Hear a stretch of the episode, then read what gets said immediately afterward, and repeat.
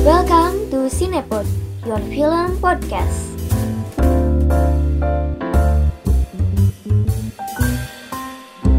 Halo semuanya, kembali lagi bersama aku Tasya di Cinepod Cinema Podcast, your film podcast. Oke, di episode Cinepod kali ini aku bakalan bahas satu film Korea nih. Iya, Korea. Setiap orang tuh emang pasti bakalan Korea pada waktunya, ya nggak? Nah, film ini tuh lagi nge-hype banget di perdunia sosial mediaan. Judul filmnya adalah Pound, P-A-W-N, Pound, atau artinya itu gadai. Biasanya, yang dijadiin barang gadaian itu harta benda kan, benda mati. Tapi, gimana sih jadinya kalau misalkan anak kecil, benda hidup yang dijadiin barang gadaian? Penasaran kan? Langsung aja deh kita bahas filmnya. Mulai dari sinopsisnya dulu kali ya. Nah, film Paun ini menceritakan tentang seorang anak kecil 9 tahun yang dijadiin barang jaminan hutang. Anak kecil ini namanya Lee Seung I. Dia diambil sama dua kakek tenir sebagai jaminan hutang ibunya. Supaya si ibunya ini tuh cepet-cepet bayar hutang ke mereka. Karena ibu mana sih yang tega ninggalin anaknya demi suatu hutang? Apesnya, si ibu ini tuh imigran gelap dari Cina jadi dia nggak bisa hidup dengan layak sebagai warga Korea. Dia kesusahan buat dapetin uang, makanya dia nunggak bayar hutang. Nah, si dua orang retenir ini yang ngambil si Seng I mau nggak mau harus ngurus dia dong sampai si ibunya itu bayar hutang ke mereka. Awalnya hubungan mereka itu ya layaknya pemilik barang dan barang jaminan gitu. Tapi ya lama kelamaan hubungan mereka itu makin terikat, makin kuat satu sama lain layaknya seorang keluarga. Kayak gitulah singkat ceritanya. Alur cerita di film ini tuh nggak linear alias bolak-balik lah. Dari tahun 2020 pindah ke tahun 1993 Kejadian yang di tahun 2020 itu bisa terjadi ya awal mulanya karena kejadian di tahun 1993 di mana si retenir ini ngambil anak orang lain buat dijadiin barang jaminan. Film ini tuh laris banget di negara asalnya yaitu di Korea dan bahkan di negara lain sih termasuk di Indonesia. Katanya film ini tuh tembus sampai 1,7 juta penonton di bioskop. Bisa dibilang angka yang cukup tinggi lah buat segitu mah ngelihat kondisi sekarang lagi pandemi gitu. Dan film ini juga jadi heboh banget di sosial media karena katanya film ini tuh berhasil bikin penonton nangis jadi-jadi ya. Dan karena heboh di sosial media jadi ikut penasaran dan akhirnya nonton lah film Paun ini pas sebelum nonton film ini itu udah siap-siap mental jiwa dan raga sih. Karena emang udah tahu gitu kalau film ini tuh bakalan nge-trigger kita buat nangis. Dan pas udah nonton yang dikatakan netizen itu emang mahal benar. Film Paunen itu parah sih gila banget. Bikin kita nangis dari awal sampai akhir gitu. Nangisnya itu nggak nggak di akhir doang. Karena biasanya kalau film-film sedih adegan sedihnya itu di akhir doang kan. Ini tuh nggak adegan sedihnya tuh dicicil.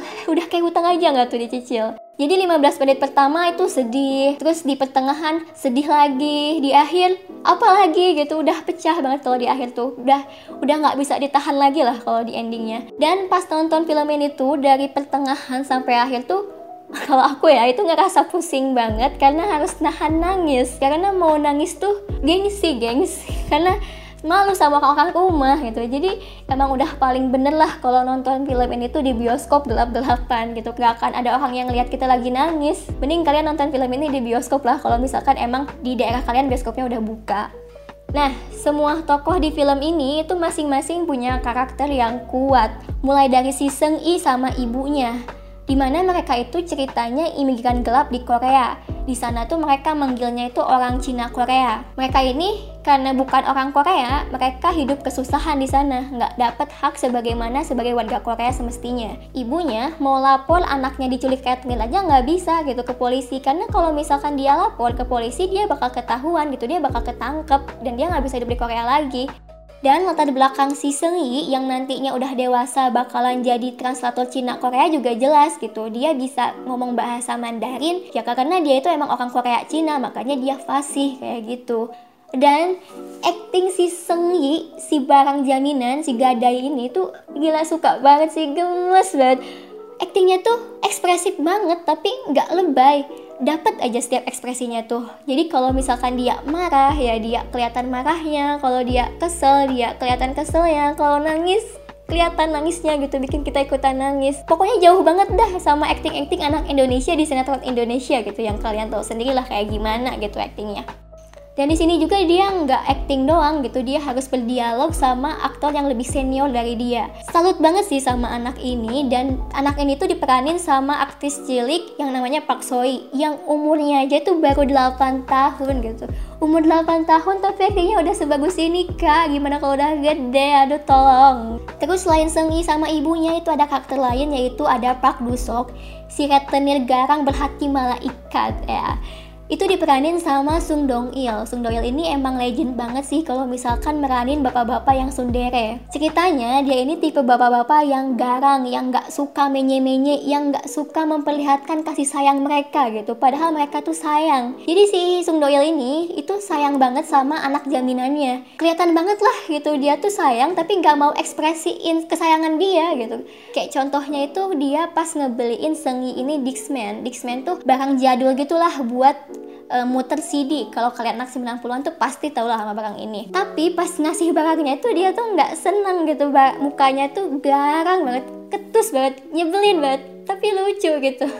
Sosok Dusok tuh emang menonjol banget sih di ceritanya. Ya gimana ya dia tuh punya peran penting banget buat ngebangun emosi penonton di mana Dusok ini tuh semakin lama semakin sayang gitu sama Sengi. Padahal dari awal tuh dia ngejadiin Sengi barang jaminan doang gitu tapi dia udah anggap dia sebagai anaknya Terus ada partner Dusok namanya itu Jongbe diperanin sama Kim Hewon. Hubungan Dusok sama Jongbe ini tuh lucu banget. Jadi mereka itu kayak bos sama bawahan tapi saling maki-makian gitu, tapi saling membutuhkan. Si Jongbe-nya itu dimaki-maki mulu gitu dari awal sampai akhir tuh diomelin mulu.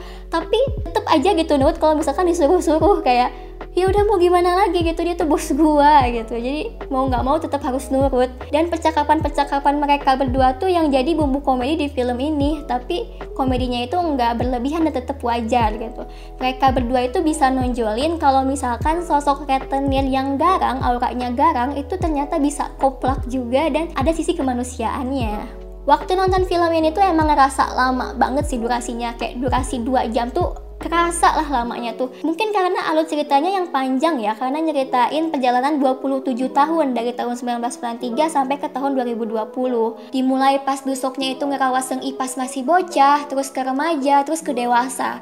Dan porsi penceritaan si Sengi pas kecilnya itu lama banget bisa sampai satu setengah jam. Sedangkan durasi nyeritain pas remaja ke dewasanya itu cuma sekilas aja tapi untungnya meskipun lama durasinya, acting para pemainnya itu jempolan banget dan sukses banget bikin emosi penonton tuh naik turun. Jadi nggak ngebosenin dan tetep pengen lanjut sampai akhir. Walaupun filmnya itu durasinya panjang banget. Kalau aku sendiri sih ya, pas nonton film ini tuh adegan yang mulai wanti-wanti, yang mulai siapin mental supaya nggak nangis itu pas bagian pertengahan film lah. Karena di sini tuh si Seng I-nya itu diceritain udah ditebus sama pamannya dari si Retenir dan katanya mau diadopsi sama keluarga kaya. Tapi ternyata bukannya diadopsi sama keluarga kaya, dia malah dijual sama pamannya ke pemilik klub malam. Udah gila nggak tuh si pamannya? Dan di sana tuh dia dijadiin babu, disuruh-suruh, disuruh bersihin toilet. Dan yang paling parah tuh disuruh bersihin klub, disuruh bersihin gelas yang pecah gara-gara ada tamu yang marah. Dan itu ibu angkatnya tuh udah nggak waras gitu. Dia tuh masih kecil, disuruh kerja di klub malam. Udah nggak ada akal sehatnya. Sengi ini pas tinggal sama ibu angkatnya pastilah nggak betah. Siapa sih yang betah orang jadi babu di sana? Nah, Sengi ini berniat buat minta tolong ke Dusok Samcul. Dia nggak betah di situ. Dia nelfon lah. Tapi dodolnya si Dusok ini tuh ngasih nomor ke Sengi, tapi nggak ngasih kode daerahnya dia. Si Sengi-nya di Busan, si Dusoknya di Incheon. Ya pas ditelepon sama Sengi, ya pasti nyambung ke orang lain lah, nggak mungkin nyambung ke Dusok. Dan sedihnya itu pas si Senginya itu udah berhasil nelfon ke Dusok. Dan pas diangkat si senginya itu nangis sesenggukan gitu. Kayak dia tuh di situ habis luka kondisinya pipinya tuh habis luka gara-gara kena pecahan kaca. Dan si dusoknya tuh langsung pergi buat jemput si sengi dan pas sampai pas ketemu si Dusoknya tuh sedih banget. Pas lihat si Senginya itu penampilannya tuh berantakan compang camping terus ada luka di pipinya. Parah banget deh si ibunya ini tuh ngerawat si Senginya. Akhirnya dibawa kabur sama si Dusok dan ketahuan gitu sama si pemilik barnya. Dan ibunya tuh kayak marah gitu lu udah gila yang ngambil anak gua gitu. Padahal itu juga dia beli gitu anaknya. Dan si dusoknya ini bilang lu bayar berapa 4 juta katanya. Ya udah gua bayar.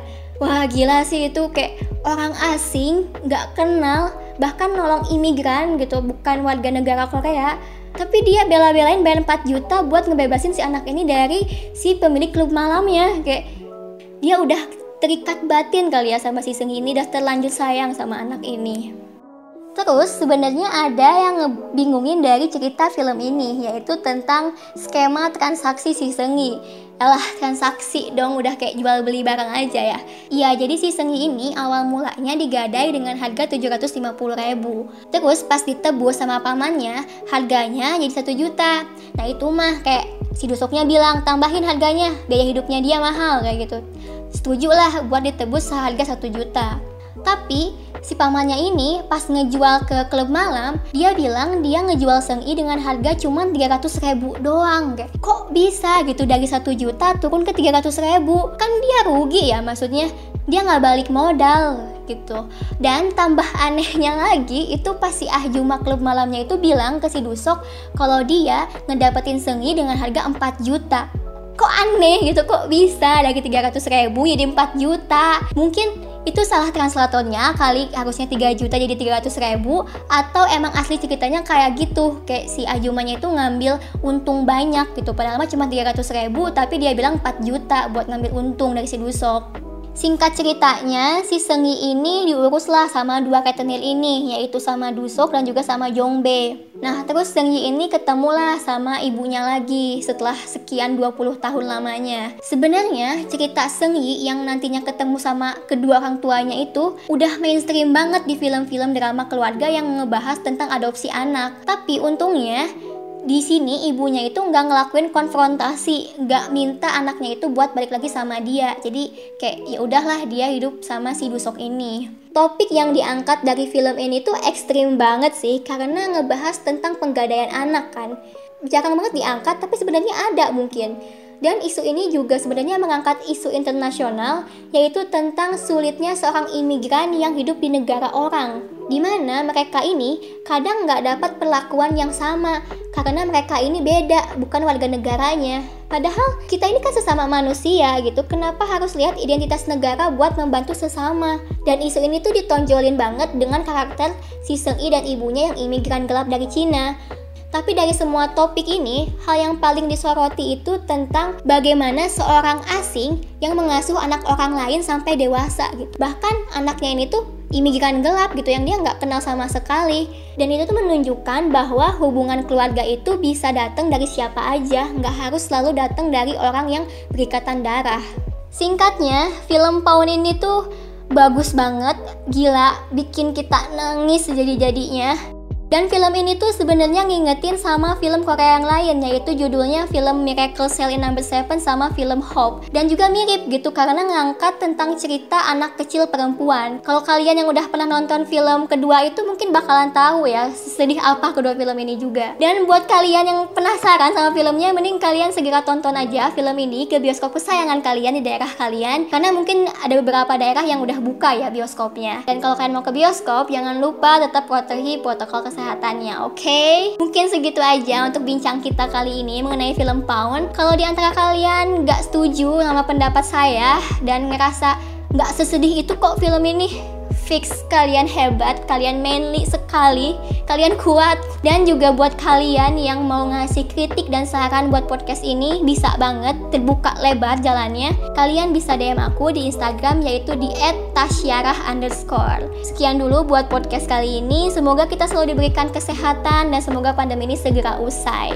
Sekian, terima kasih. Bye. Have a nice day. Cinepod, your film podcast.